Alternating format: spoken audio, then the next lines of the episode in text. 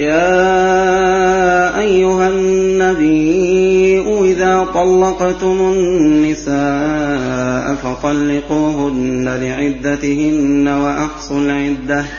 واتقوا الله ربكم لا تخرجوهن من بيوتهن ولا يخرجن إلا أن يأتين بفاحشة مبينة. وتلك حدود الله.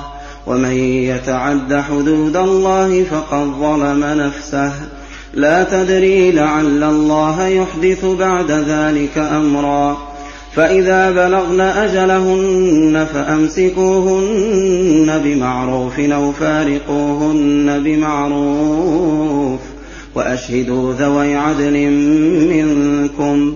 وأقيموا الشهادة لله ذلكم يوعظ به من كان يؤمن بالله واليوم الآخر. ومن يتق الله يجعل له مخرجا